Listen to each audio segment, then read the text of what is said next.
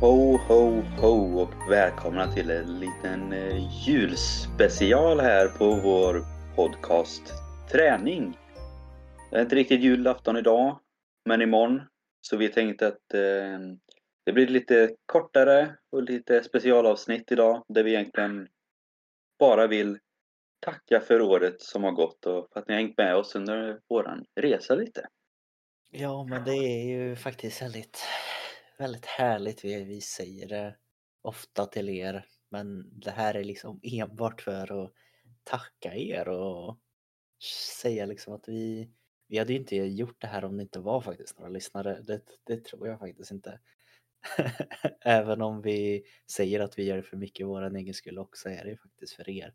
Vi är väldigt tacksamma för det och jag antar väl att det är därför som vi egentligen vill bara önska er som lyssnar en riktigt god jul eller holidays får man väl säga nu för tiden. Ja, precis. Man, man får inkludera alla. Ja, verkligen. Så vi hoppas att ni får en trevlig julafton imorgon. Det gör vi och hoppas att det är mycket snö och mycket gött på julbordet och julgodis och allt vad det innebär. Många roliga julklappar och, och framförallt en härlig gemenskap. Ja, men faktiskt. Men på tal om julbord Henke, jag tänker vi kan väl avsluta det här lite med att säga vad vår favoritsak på julbordet är. Ja, det, det är ju mycket som har gått där, så det beror på hur man hur man ser det lite. Alltså, en klassisk... Säga en mat och en typ efterrätt godisgrej. Oh, jag får bara välja en alltså. Ja, en mat och en efterrätt tänker jag. Ja, efterrätt eller vad man säger godis, det tror jag det måste ändå vara knäck. För det, det är ju fantastiskt gott. Eh, och klassiker liksom. Mat. Det är lite svårt på ett sätt för jag har ju en som kanske tycker är godast fast jag har en som kanske äter mest eller vad man säger. Så det är ju vad man ska gå på. Säg två då. Okay, det är ju ja, jul. Okej, okay, vad snällt. men, ja, men jag är ju jag är ändå en liten så här klassiker liksom. Prinskorv är väl alltid liksom, det är ju, det är ju jäkligt gott.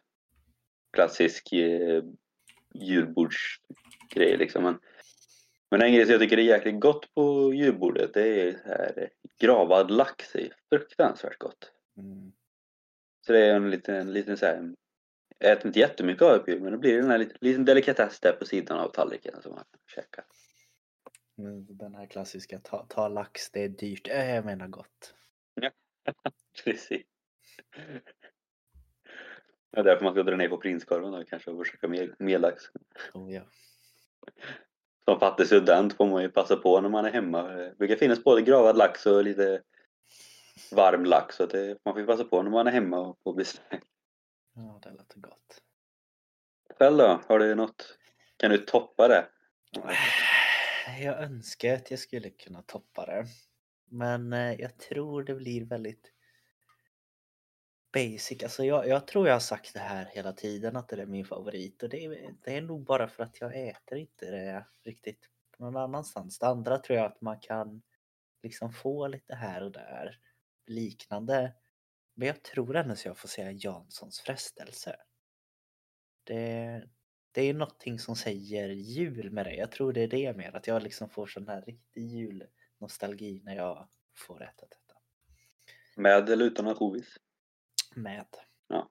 Med. Jag har också den eviga frågan, för vissa vill inte ha med ansjovis så då blir den eviga frågan, är Janssons utan ansjovis liksom, eller är det bara potatisgratäng? Ja, det är sant. Det är sant. Sen efterrätter, det, den är svår alltså. Och speciellt för jag kom på en nu men jag har glömt vad namnet är på den. Eh, men det är som en yellow efterrätt kan man säga. Eh, den har lite yellow, den har lite vaniljgrej och lite bär och sånt. Jag tror det är en amerikansk tradition att ta in den. Jag vill säga, det lät väldigt amerikanskt med såhär jello och såhär, typ, typ frukt och grönt eller något sånt. Ja, men eh, det är från ett par kära släktingar som vi blev bjudna till på juldagen. Där frun där har alltid lagat detta. Eh, och det är liksom är verkligen uppdelat så här antingen älskar man det tror jag eller så är man inte så förtjust i det.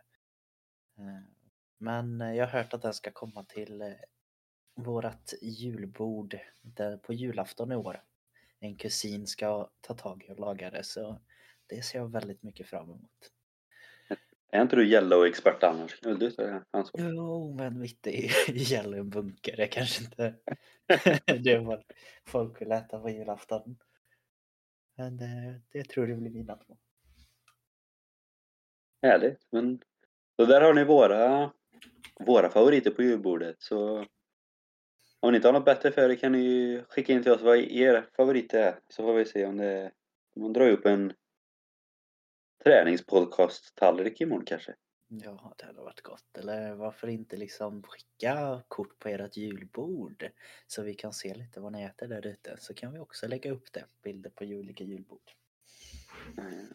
Fan nej, jag annars kommer på något ännu bättre som är det bästa på julbordet. Vadå? Jag tänkte på det du sa också, något som bara egentligen skriker jul. Julmust. Ja, just det. Det är så självklart nu att man har glömt av det. Det, det har du rätt i. Det är också viktigt. Ja, Men- nej vi kanske, kanske inte ska dra ut på det så mycket mer. Nej, vi får väl bara säga igen att vi önskar er en riktigt god jul helt enkelt. Det gör vi. Så eh, ses vi nästa vecka i ett lite mer vanligt avsnitt tror vi. Ja.